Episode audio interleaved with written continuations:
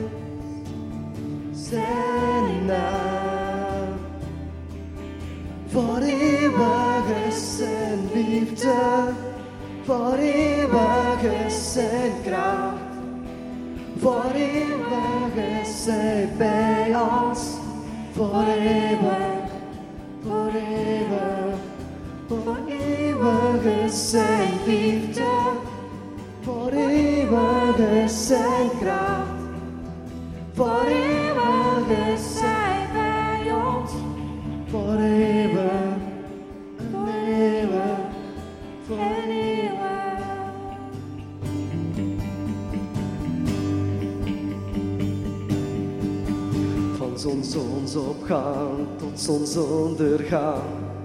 Liefde duurt voor eeuwig. Hij is onze kracht, ons leven lang.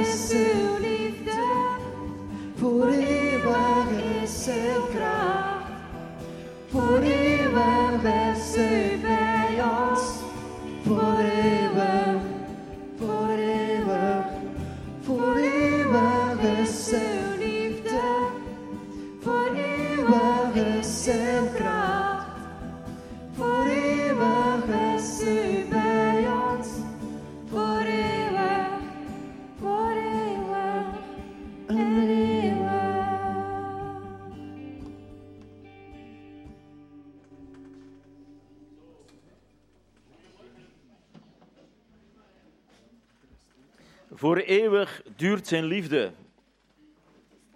We zingen dat zo gemakkelijk, maar als we nadenken, dan mogen we beseffen welke genadevolle God we hebben. Voor eeuwig duurt zijn liefde. Ik zou zeggen, iedereen van harte welkom, en in het bijzonder alle moeders. Een gezegende moederdag vandaag. Ik zou zeggen, laat jullie verwennen door jullie kinderen. En kinderen, verwen jullie moeders. Eenmaal per jaar moet je dat doen. Voilà, ik zie er al een paar die knikken. Dat is goed. Maar in het bijzonder wil ik toch uh, van harte welkom heten André en Jacques. Voor de nieuwe mensen, wie zijn André en Jacques? Misschien kunnen ik er recht staan, dat de nieuwe mensen weten wie dat je zijt. Jacques was hier, denk ik, een kleine 20 jaar oudste in de gemeente. Heeft ook 20 jaar de gemeente gedragen, ondersteund, ons verzorgd met bijbelstudies en uh, preken. En vandaag gaat Jacques ook spreken. En André was er altijd voor een gesprek, pastoraal werk, dus we mogen dat niet vergeten. We zijn die mensen, mensen dankbaar. En we zijn dan ook dankbaar dat ze vandaag in ons midden zijn en dat Jacques ons ook het woord zal geven. Ik zou zeggen, nogmaals, dank u wel en welkom. Zo, ik wil beginnen met een tekst voor te lezen. Namelijk in 1 Tut of 2 Titus, vers 11 staat er: de, zalig, de zaligmakende genade van God. We hebben zo pas geleven, gezongen dat God zijn liefde eeuwig duurt. En hier wil Titus ons nogmaals in bevestigen. Want de zaligmakende genade van God is verschenen aan alle mensen. Niet alleen aan ons mensen die in de kerk zitten, maar aan alle mensen. En leert ons de goddeloosheid en de wereldse begeerten te verloochenen en, en in deze tegenwoordige wereld bezonnen, rechtvaardig en godvruchtig te leven. Die zaligmakende genade, dat geschenk die wij van God krijgen door Christus Jezus, door het aan te nemen, dat vraagt een, een plicht van ons van namelijk om de wereldse begeerten te verloochenen en in deze tegenwoordige wereld bezonnen, rechtvaardig en godvruchtig te, te leven. Dat is een plicht die we ergens hebben. Maar dat als het goed met ons zit, dan dwingt de Heilige Geest ons die richting uit. Dan zijn wij inderdaad een nieuwe schepping die die dingen willen zoeken, die die dingen willen najagen. Niet dat wij er altijd in slagen, maar dat willen we. Dat willen we.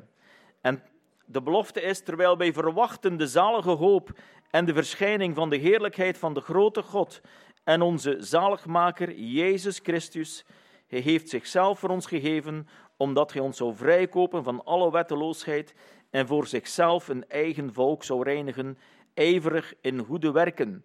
Met andere woorden, wat schrijft Titus hier? We verwachten Jezus.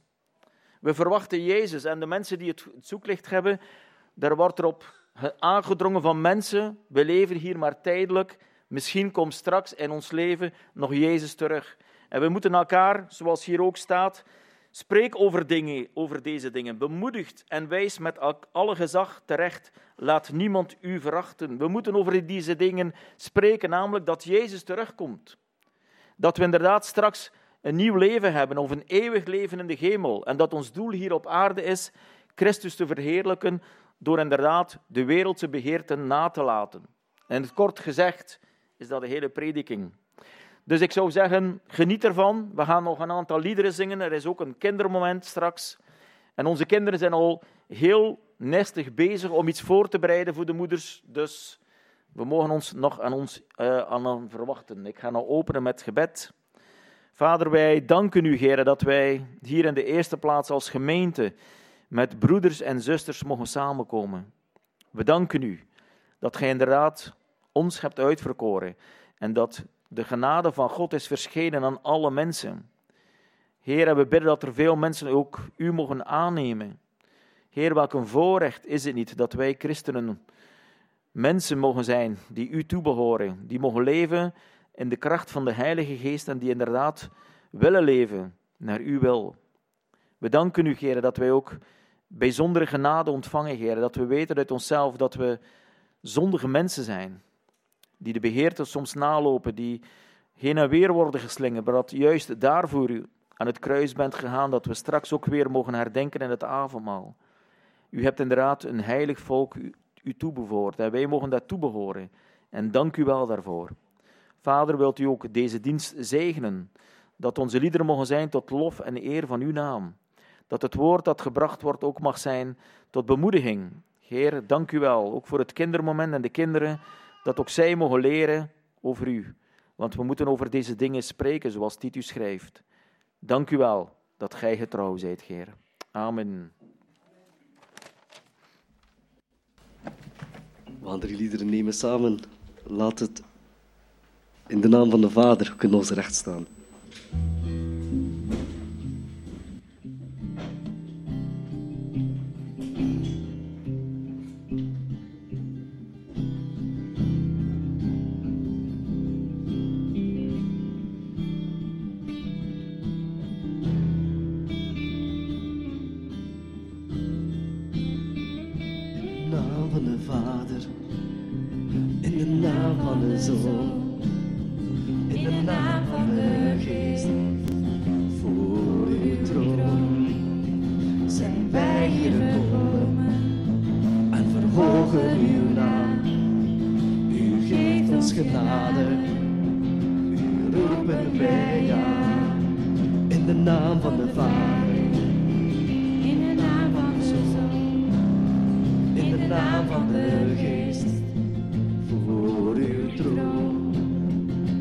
bij je gekomen en vervolgen uw naam.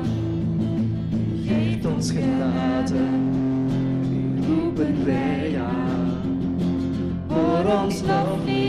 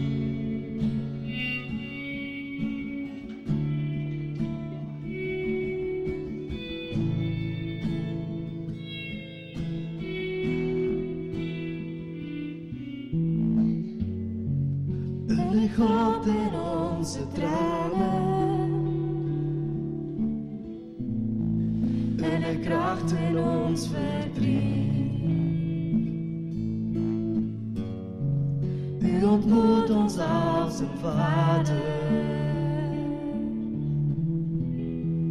En doet onze angsten. U bent werkzaam als we wachten.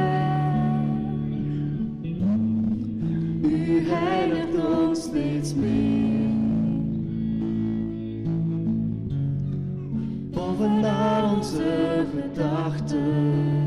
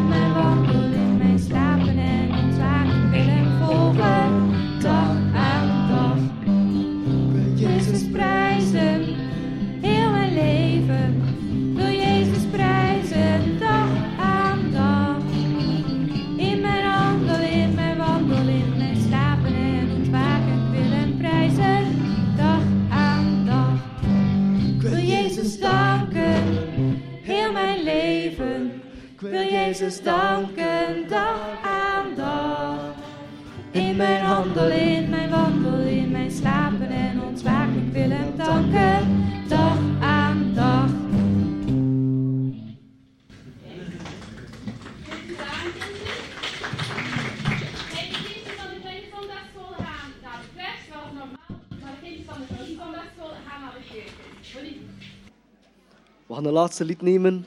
ehm, als een hart dat verlangt naar water. En dan na dit lied kunnen we Jacques uitnodigen. Kijken echt uit naar wat je ons zult brengen. Ehm, laten we samen recht staan voor het lied. Als een hart.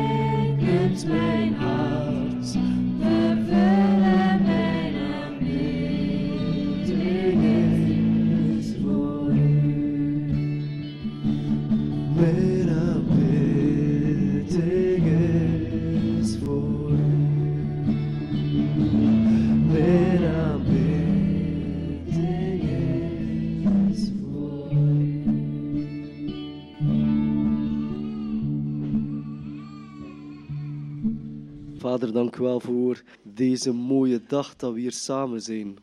We komen hier samen omdat wij weten dat wij bij u horen. We weten dat u het leven gaf. En we weten dat we bij u mogen komen door Jezus. We hebben zoveel fouten, we hebben zoveel tekortkomingen en we verdienen niet om bij u te komen. Maar we weten dat uh, Jezus vrede bracht tussen ons en u, Vader. Vraag echt dat u ons harten opent, Vader. Um, dat u spreekt tot ons. Dat we ook samen echt uw woord mogen ontvangen en dat dit ons leven mag veranderen en dat we daarmee het leven van anderen mogen aanraken rondom ons, Vader. Dank u wel voor de levens van de mensen die u heeft gebracht in ons leven. Dank u wel voor onze familie, voor onze vrienden, onze kennissen, onze collega's, Vader. Echt voor hen, Vader. Dat, ja, dat, we eigenlijk, dat u hen eigenlijk ook kan, echt kan aanraken, Vader. Dank u wel voor deze mooie dag. We kijken echt uit naar wat dat u doet. Iedere dag weer opnieuw in ons leven, Vader. Dank u wel. Amen.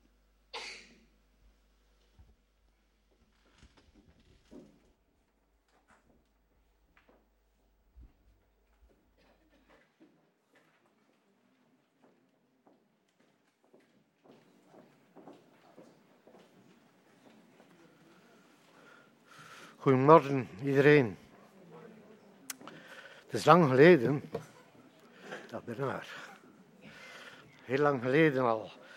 Ja, eh, hoe is dat allemaal gekomen? Eh, we waren hier in deze gemeente en eh, we mochten de gemeente dienen en we kwamen aan het einde van een termijn. Ik denk dat het nog altijd zo is, dat vier jaar duurt een termijn en dan moet opnieuw gestemd worden. En we kwamen aan het einde van een termijn en ja, de ouderdom was daar en kwamen een beetje lichamelijke kwaaltjes opzetten. En we hadden dan in overleg met de heren besloten dat we zouden stoppen als verantwoordelijke in de, de, gemeente. Nu, we hadden de keus, we bleven hier in de gemeente, ofwel uh, we zouden teruggaan naar onze eigen gemeente, uh, waar we opgevoed zijn. Ik ben bijna geboren in de gemeente. Het was uh, in het jaar 43 dat ik voor het eerst als kind naar de gemeente ben gegaan en ben daar altijd gebleven tot er iets gebeurd is en dat we tijdelijk de gemeente uh, moesten verlaten. Dan zijn we hier beland. Dan hebben we hier een hele tijd gediend. En ja, we hadden de keus terug hier blijven of terugkeren naar uh, Moesgroen. Er was ook nog een andere reden. Ik zei, een paar lichamelijke kwalen. als het nu zo zou zijn dat ik niet naar de dienst zou kunnen komen, dat ik niet kon rijden. Mijn vrouw kan ook niet rijden, dus eh, ze zou wel verplicht geweest zijn naar de gemeente Moeskroen te gaan. Dus we hadden gezegd, ja, we gaan naar Moeskroen. Rustig op onze, op onze stoel blijven zitten, uh, meezingen, meebidden, meeluisteren. Maar, maar, er was dus één oudste in de gemeente en er was ook uh, een jonge man die zijn studies had voleindigd en die uh, bezig was met een jaar stage te lopen in de gemeente. Met de gedachte, die wordt dan de voorganger van de gemeente na dit jaar stage, als die stage goed verloopt. Ja, die stage is goed verlopen, maar de beslissing is gevallen hij wou niet in de gemeente blijven en uh, is naar een andere gemeente gegaan. Dus die oudste bleef daar helemaal alleen over in de gemeente. Uh, ja, wat heeft hij gezegd? Zeg, zou je niet kunnen helpen een beetje in de gemeente? Uh, je zou kunnen voorgaan de zangdienst. en dan zou je af en toe kunnen spreken. In het begin was het ene keer per maand. Dat ging nog, maar ja, eh, de jaren beginnen te wegen. En nu is het om de uh, vijf weken dat ik nog moet uh, spreken in de gemeente Muskroen. En dan kwam die oproep van Jan om een keer naar hier te komen. Gelukkig de tijd dat het niet mogelijk was, de coronatijd, die is nu voorbij. En de gemeenten, ik spreek in het meervoud, die beginnen weer op gang te komen en gastsprekers uit te nodigen om ja, wat nieuw leven in te blazen in feite in de gemeente. Goed. Uh, het is moederdag. En ik heb als titel gekozen voor de overdenking van deze morgen gewoon over moeders, over vrouwen gesproken. En ik zou met u graag een tekst lezen in het boek Richteren. Richteren, hoofdstuk 4. Je hebt eerst de vijf boeken van Mozes, dan het boek Jozua en dan het boek Richteren. Richteren, hoofdstuk 4. We lezen Hans het hoofdstuk.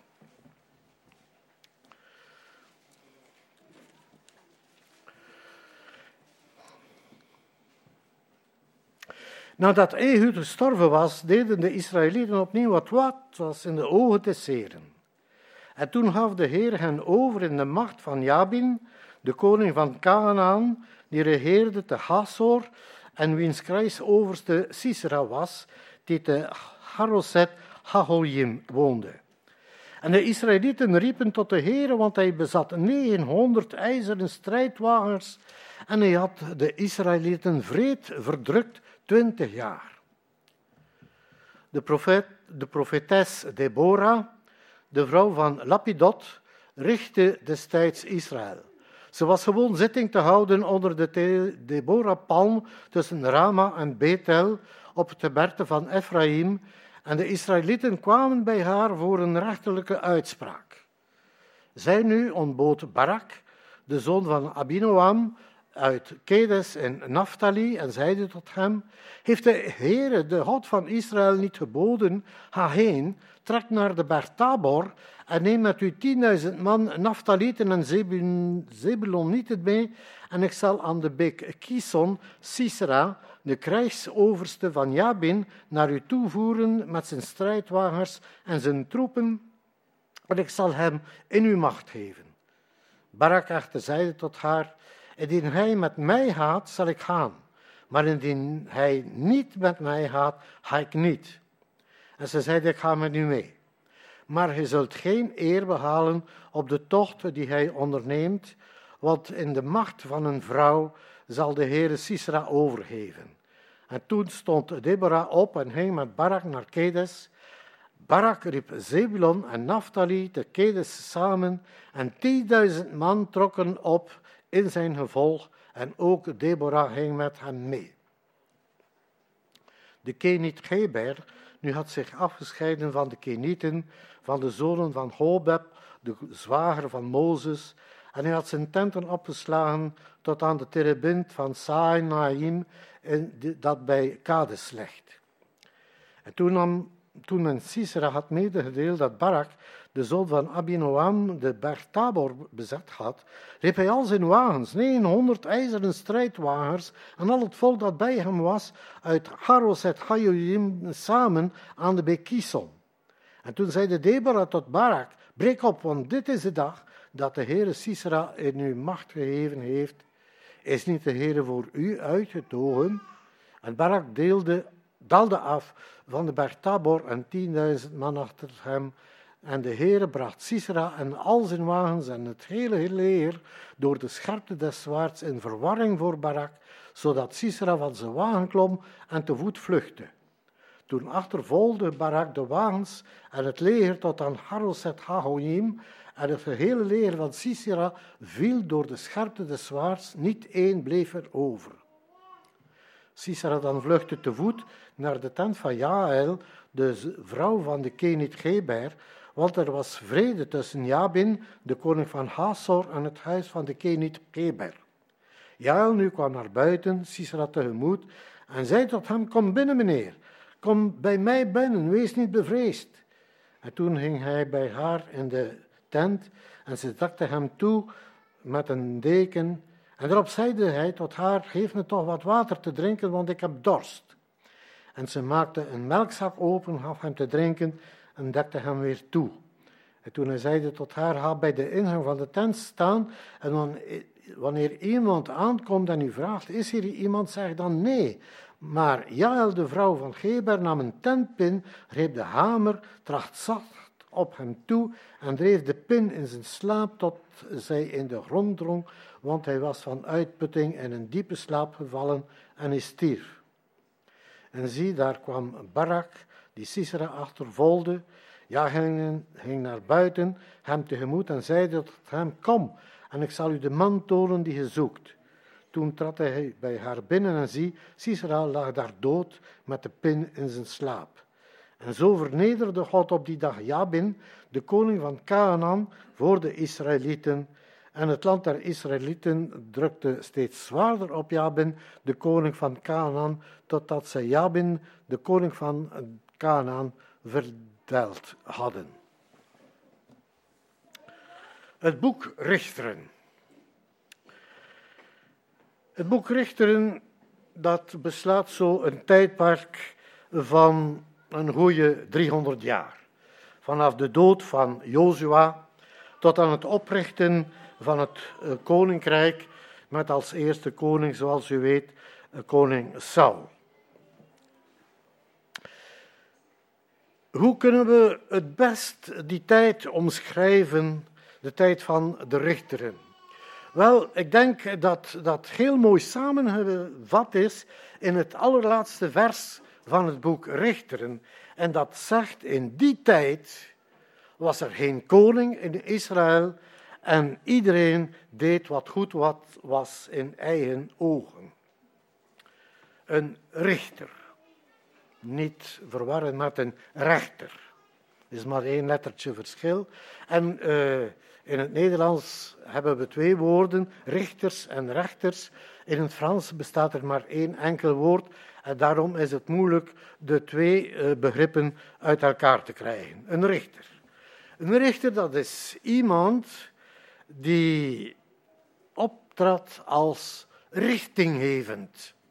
Als een man, een man, een vrouw die het volk uh, begeleidde als het erop aankwam om een volksopstand uh, te organiseren, om te gaan strijden tegen de omliggende volkeren, tegen de omliggende koninkrijken. Er zijn uh, zo in totaal wat twaalf richters geweest, waaronder dan één enkele vrouw, en dat was Deborah.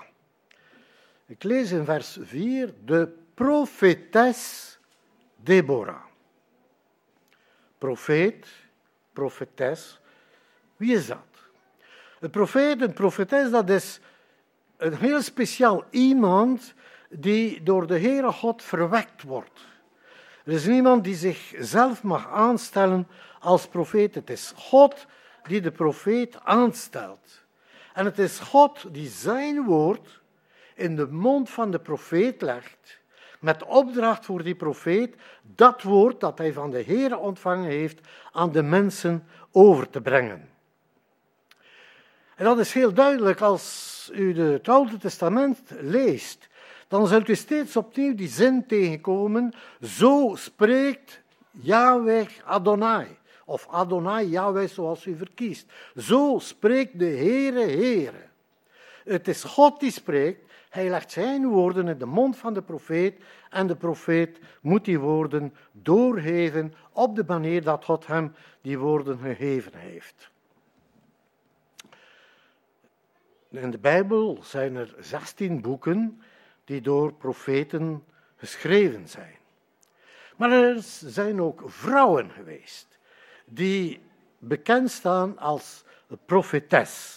Zes vrouwen heb ik gevonden in de Bijbel. De eerste die voorkomt in de Bijbel is Mirjam, de zuster van Aaron en Mozes.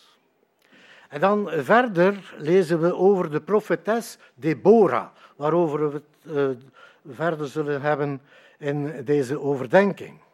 En dan is het uh, tijdens uh, de regering van koning Josia Daar lezen we dat Josia op een bepaald moment zes priesters vraagt om naar de profetes Hulda te gaan, om door haar de heren te raadplegen. Dan in de tijd van Nehemia, daar was er ook een eh, profetes, Noadja. Maar Noadja, dat is geen profetes des Heren, maar dat is een valse profetes. Er zijn valse profeten, zijn profeten geweest, er zijn valse profeten geweest. En Noadja is een valse profetes die door haar profetie getracht heeft de wederopbouw van de muren van Jeruzalem te dwarsbomen. En verder hebben we dan de vrouw van de profeet Jezaja, die wordt ook profetes genoemd. En de laatste profetes die we tegenkomen, dat is op het randje van het Oude Testament en het Nieuwe Testament. Dat is 33 dagen na de geboorte van Jezus, toen Jezus naar de tempel werd gebracht om aan de Here opgedragen te worden. En daar lezen we over de, profet, de profetes Hanna. De profetes Deborah, daar zijn we mee bezig. Nu, als we deze geschiedenis lezen, dat lijkt zo een prachtig sprookje te zijn, nietwaar? Uh, dat lijkt heel gemakkelijk, allemaal gemakkelijk te verlopen. Er is geen enkel probleempje aan de lucht. Maar als we wat dieper gaan in de tekst, dan is het helemaal zo niet. We moeten eerst en vooral goed inbeelden hoe dat eruit ziet. Je hebt het land Israël, dat is een beetje zo, eh, een, peer, een omgekeerde peervorm. En je hebt het noorden. En in het noorden van Israël, daar bevinden zich twee stammen, de stammen Neftali, uh, Naphtali en de stam Zebulon. We lezen dat in de boeken van Mozes. De Israëlieten hebben het land veroverd. Maar als ze in het noorden zijn gekomen, ja, uh, dat lukte niet om heel het land eh, in feite in bezit te nemen. Het land werd wel bezet, maar de volkeren die daar woonden, uh, die zijn eerst en vooral, de Israëlieten hebben ze in leven gelaten. Ze hebben ze niet vermoord zoals gedood, zoals de opdracht was. Ze hebben ze in leven gelaten met als gevolg dat die volken met de tijd in opstand zijn gekomen en het juk van de Israëlieten uh, hebben verworpen. En dat is eh, nu de, zo geweest in de tijd van ons verhaal.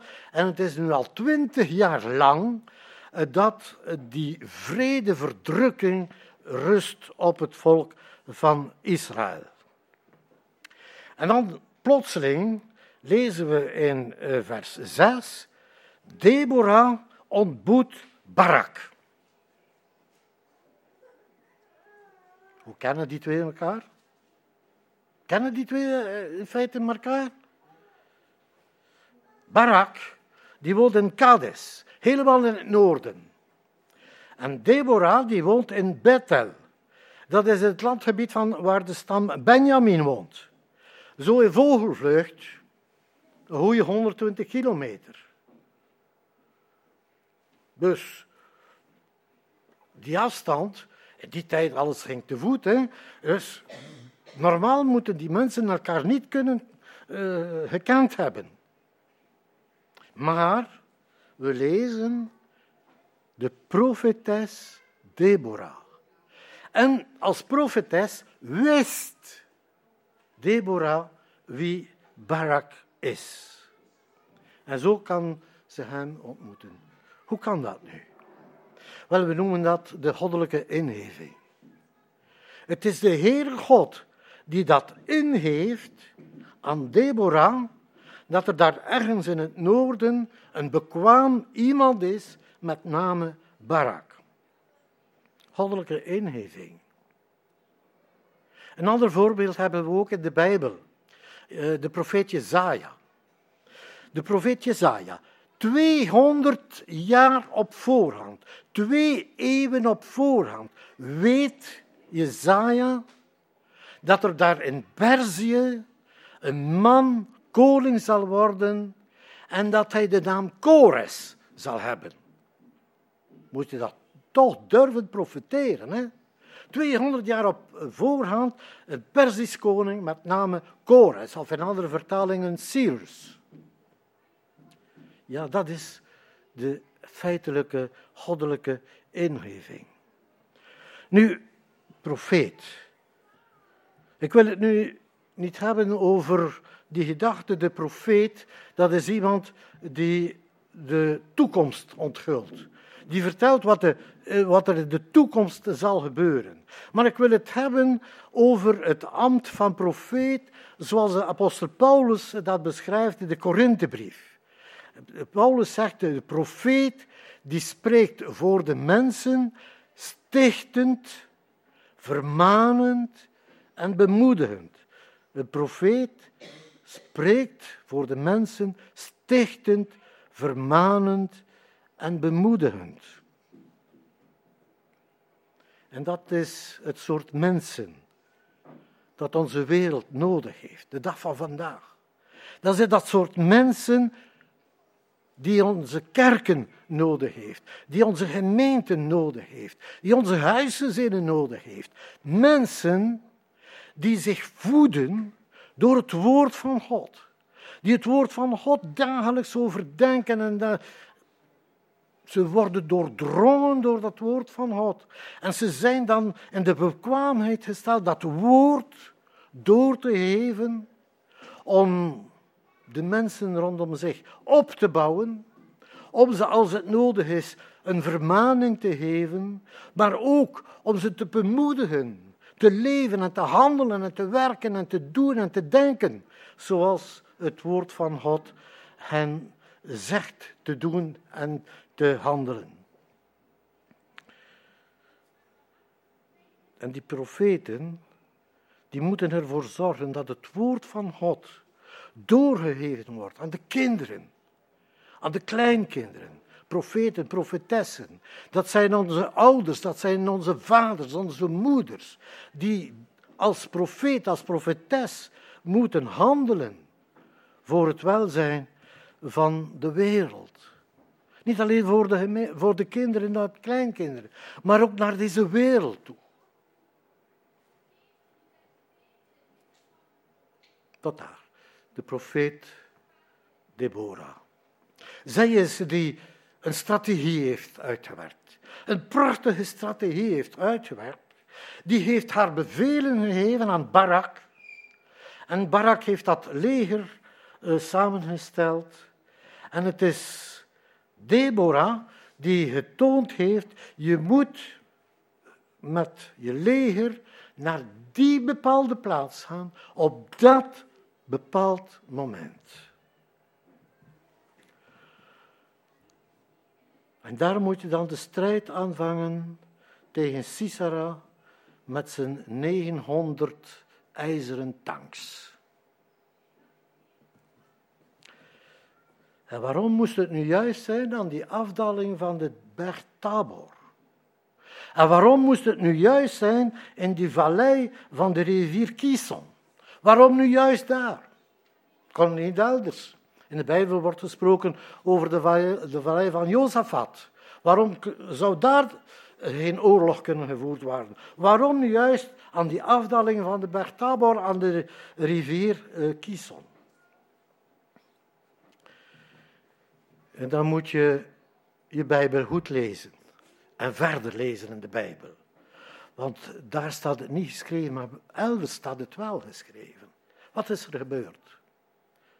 In de korte tijd daarvoor zijn er bakken water gevallen. Bakken water. En die rivier de Kieson is buiten haar oevers getreden.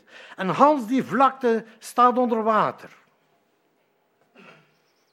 De zon is daar, het water verdampt en op een bepaald moment zie je niks meer. Alles is heel mooi plat geworden, er is geen water meer te bekennen. Maar Die grond is doordrongen met dat water.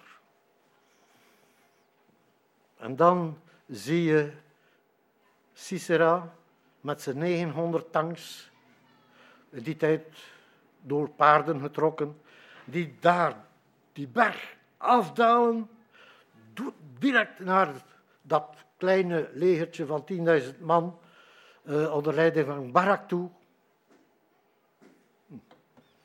Ze zijn niet ver geraakt, hè? De poten van die paarden in dat slijk, in die modder, die wagens in die ijzeren eh, wielen, in die modder. En het was gedaan, de oorlog was gedaan, alvorens dat hij begonnen was.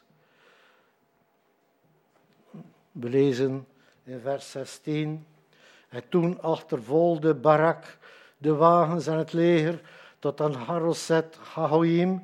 En het gehele leger van Sisera viel door de scherpte des zwaards. Niet één bleef er over. De oorlog is gedaan. Strategie. Moet je toch weten. Deborah was profetes. En ze wist dat het juist daar was. Dat God dat voorzien had. Dat er water genoeg was zodat al die tanks in het water verdwenen zijn. En dan eh, verschijnt er een andere vrouw op het toneel, Jael. Nu, we moeten nooit vergeten in welke tijd we zijn. In die tijd was er geen koning in Israël en iedereen dacht, deed wat goed was in eigen ogen. En wie is Jael? Jael, dat is de vrouw van een Keniet. Goed. Wie zijn dat, de Kenieten? Wel, de Kenieten, dat is een zwerversvolk. Er is een van hen eh, die we een beetje meer kennen, dat is Goaba, de schoonbroer van Mozes. En Mozes heeft zijn schoonbroer ervan overtuigd dat hij best zou kunnen dienen als gids voor het volk Israël tijdens die lange woestijnreis. Zwerversvolk, die kennen Hans streek van buiten. Ze gaan van de ene kant naar de andere kant, dus zij weten waar je moet komen om water te vinden, om gras te vinden, om eten te vinden en zo verder. En met de tijd heeft dat zwerversvolk, dat zwerversvolk zich gevestigd in het gedeelte van Canaan dat aan de stam Juda werd toegewezen. Maar er was toch één familie van dat volk die niet bij de troep is gebleven en die verhuisd is naar het noorden. En uh, dat is Heber, die zich heeft afgescheiden en daar ergens in Naphtali uh, zijn tenten is, heeft opgeslagen. En het is heel belangrijk dat we dat weten om het verder verloop van het verhaal goed te kunnen uh, begrijpen. We kennen dat verhaal. We hebben het gelezen met een grote tentpin. Nu moeten we niet denken aan de tentpin, dat is zoals kleine houten pinnetjes dat we vandaag gebruiken om onze tentjes vast te maken, eh, of eh, een ijzeren pinnetje. Dat waren hele ferme, grote ijzeren pinnen, want die tenten van die tijd, dat was enorm, want een Hanse familie woonde daar onder die tent. En eh, met de woestijnwinden moesten er wel heel sterke binnengeslagen worden in de grond en dan met zo'n pin en met een hamer op de slaap van Sisera heeft Jael die man aan de grond vastgespied. Dat is iets wat een Israëliet, een echte Israëliet, nooit of te nooit zou gedaan hebben. Dat is een pure moord met eerroof. We moeten niet vergeten, uh, iemand die sterft als soldaat op het slagveld, we noemen dat een dood. Je krijgt eventueel daar een standbeeld voor, omdat je met wapens in de hand gestorven bent in het aangezicht van de vijand. Mogen niet vergeten, koning Jabin had een vredesverslag met eh, die Keniet die daar woonde. Er was vrede tussen de Kenieten en koning Jabin. Er was geen enkel probleem tussen die Kenieten en het volk, de Israëlieten, die daar in die streek woonden. Er is geen enkele reden waarom Jael Sisera zou mogen doden. Geen enkele reden. En daarbij, ja, sterven als een held op het slagveld, ja, dan ben je een held. Maar sterven zoals Sisera gestorven is, is helemaal geen eer daarom. Ja, het is echt iets wat onbegrijpelijks is. We zouden ons de vraag kunnen stellen, maar waarom? Waarom is dat nu zo gebeurd? En in feite is dat altijd dezelfde vraag die terugkomt. Waarom moest Job zo geweldig lijden? Heer, waarom moet ik nu lijden en ik heb geen enkele zonde, geen enkele zware zonde begaan in mijn leven? Waarom moet ik nu zo lijden? Dat is dezelfde vraag die de profeten zich stelden. Waarom, heren, moet u de Assyriërs gebruiken om ons te straffen? Waarom, heren, moet u de Babyloniërs gebruiken om ons te straffen? En dan in latere tijden, heren, waarom moet u de Duitsers gebruiken om ons te straffen? Waarom? Ja, is toch een heidense vrouw. Geen enkele relatie met het volk Israël. En een vrede leven met de Canaanieten. Waarom? En toch, die daad van Jael heeft ervoor gezorgd dat het land veertig jaar lang pijs en vrede heeft gekend. Maar ik stel me toch de vraag, uh, hoe ziet de Heere God Hans deze geschiedenis? En ik zou u willen meenemen naar de hele eregalerij van de geloofshelden. Hebreeën 11, weet u wel. En we lezen daar al die namen die daarin voorkomen. En dan lezen we de naam Barak. Barak, die staat daar in die lijst. Deborah, staat er niet in. Jael, staat er ook niet in, verteld, in vermeld. Alleen ja, uh, Barak. Wat heeft Barak in feite gedaan? Als iets wat reden zou genoemd kunnen worden dat hij in die eregalerij vermeld wordt. Het enige wat hij gedaan heeft, is gehoorzaam geweest. Hij is gehoorzaam geweest aan de oproep van Deborah. Hij is gehoorzaam geweest in het opvolgen van de strategie die, Borak, eh, die Deborah hem heeft voorgehouden. Hij is gehoorzaam geweest. Alleen maar dit. En daarom staat zijn naam vermeld in die eregalerij van de geloofshelden. De profeet Samuel, die heeft het als volgt gezegd: Gehoorzaam is beter dan slachtoffers. En luisteren is beter dan het vette des, van de rammen. Het enige wat uh, Jael krijgt, dat is een erevermelding in de lofzang die Deborah zal opstellen. En dat lezen we in hoofdstuk 5 van Richteren als volgt. Gezegend boven de vrouwen zei Jael, de vrouw van Geber de Keniet. Gezegend boven de vrouwen in de tent. Water vroeg hij, melk gaf zij. In een kostbare schaal reikte zij room Haar hand strekt zij uit naar de pin, haar rechterhand naar de hamer der werklieden. En ze hamert op Sisera, doornaalt zijn hoofd, verbrijzelt en doorboort zijn slaap. Het is het enige wat zij verdient voor de daad die ze heeft gedaan. Tot hier deze geschiedenis. Wat kunnen wij daaruit leren?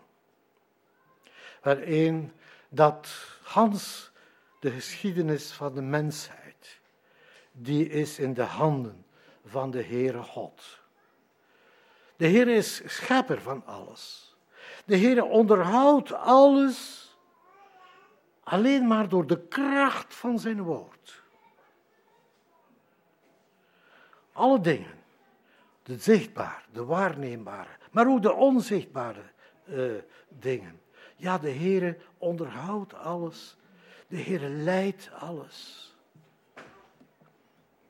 In zijn eerste brief aan de gemeente van Korinthe zegt Paulus dat we de liefde moeten najagen en dat we moeten streven naar de haven van de Heilige Geest. En hij zegt vooral, streef naar het profeteren.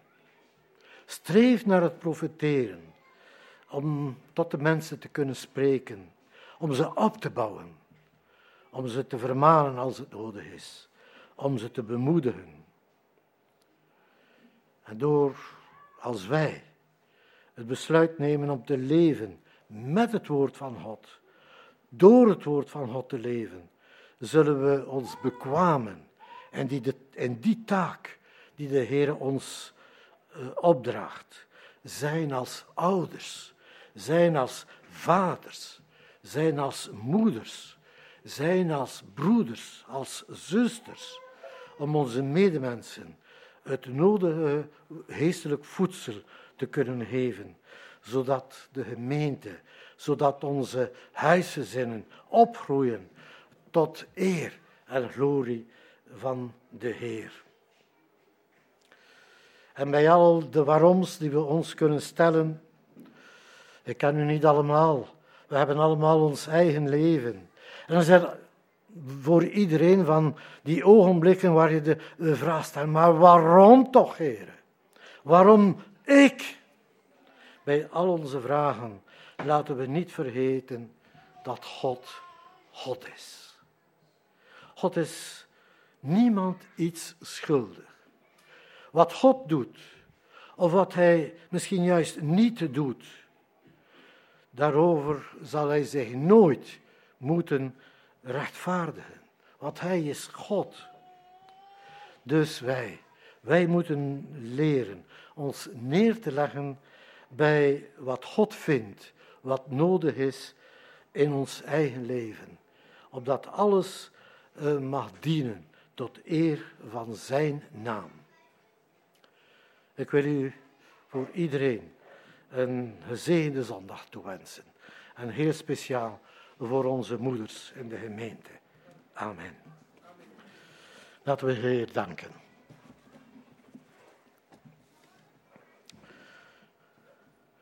Vader, we danken u voor de rijkdom van uw woord. We danken u, Heer, dat door een hele eenvoudige geschiedenis u tot ons kunt spreken dat we juist de tijd moeten nemen om verder uw woord te onderzoeken, te doorgraven, zodat wij het sap van uw woord, het feitelijke boodschap die u ons wil doorgeven, dat wij die zouden mogen begrijpen. Heer, we vragen u de genade om dit woord te mogen kennen. Dat uw Heilige Geest de ogen van ons hart zou openen, omdat uw woord diep in ons zou binnendringen. Dat uw woord ons mag oprichten, nog mag stichten. Dat uw woord ons zou mogen vermanen, daar waar vermaning nodig is, daar waar verbetering nodig is, verandering nodig is. Maar Heer, dank u ook, Heer, dat wij door uw woord mogen bemoedigd worden, want u bent een groot God, een machtig God. U houdt alles in uw hand, ook ons leven, zoals het is. Soms met onze kwalen, met de, onze gebrekkige gezondheid, met de problemen die we kennen. Here, u bent God. Wij hebben u lief. En we weten, Heere, dat u alles doet medewerken ten goede van hen die u lief hebben, die u eren. Heer, dank u. Dank u wel voor dit alles. Amen.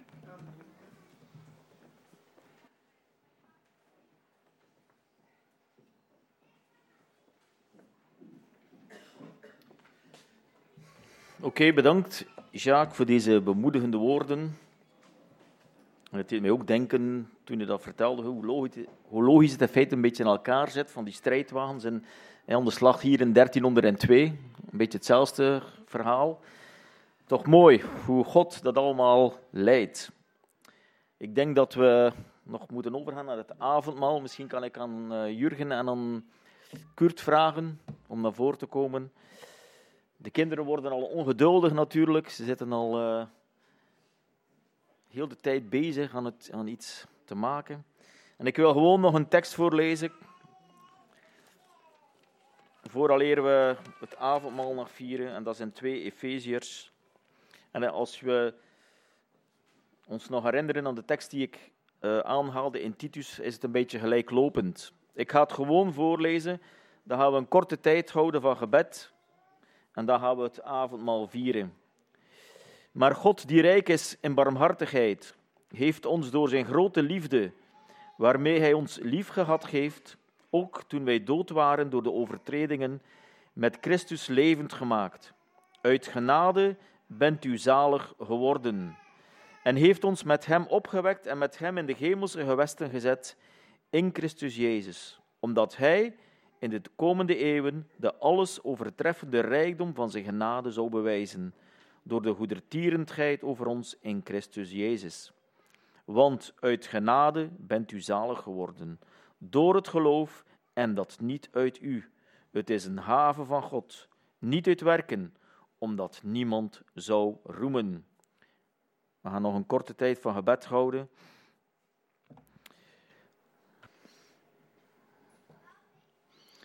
Oké, als iedereen bediend is, dan ga ik de kinderen laten komen. En dan gaan we zien. Ja, jullie mogen rust al uh, het opdrinken. Zo, zijn jullie klaar? Ja. Ah,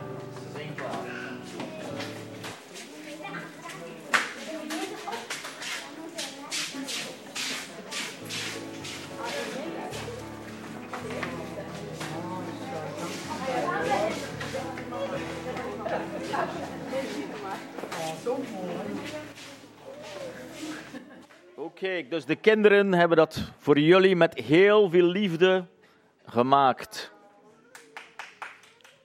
Ja, we mogen wel een applausje geven. Hè? Dus vergeet niet, kinderen, alle vrouwen en moeders een cadeautje te geven. Het is een zeepje.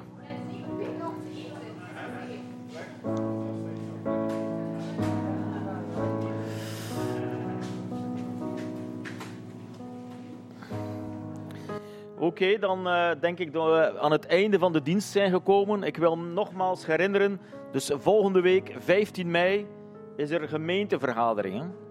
Dus ik hoop dat iedereen aanwezig kan zijn.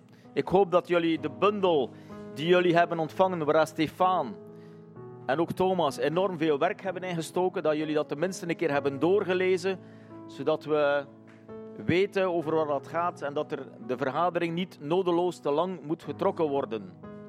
Dus volgende week blijven we allemaal, voor de mensen die willen eten, en om, ik weet niet meer welk uur dat we hadden afgesproken, hebben we nog dienst. En dan wil ik nog één raad meegeven voor de mannen die graag gaan kamperen. Doe jullie tentpinnen weg. Oké, dan ga ik nog afsluiten. Misschien kunnen we nog twee minuutjes stil zijn, kinderen. Zo. Vader, wij danken u, Heer, voor uh, deze mooie dienst, Heer, voor uw woord dat we mochten horen. Voor de bemoedigingen dat we er mochten inzien, Heer, en voor het vertrouwen dat u inderdaad door mensen geeft. Heer, ook dank u wel voor de kinderen, Heer, die met zoveel liefde en geduld dat hebben voorbereid. Dank u voor onze moeders, Heer, onze vrouwen, omdat we weten, ze hebben we van u ontvangen. En wilt u hen zegenen, Heer. Wilt u hen ook als, ja, als moeders zegenen, als vrouwen, Heer, dat ze kunnen ons bijstaan, onze kinderen bijstaan, Heer. En wilt u ze ook zegenen in zowel geestelijk en in goede gezondheid. We danken u. En we doen dat misschien veel te weinig om voor onze vrouwen en onze te bidden, Heer. Dank u wel dat u onze God bent. Dank u wel dat u getrouw bent. Dank u. Amen. En dan is er nog koffie verzorgd door Tony en Martien.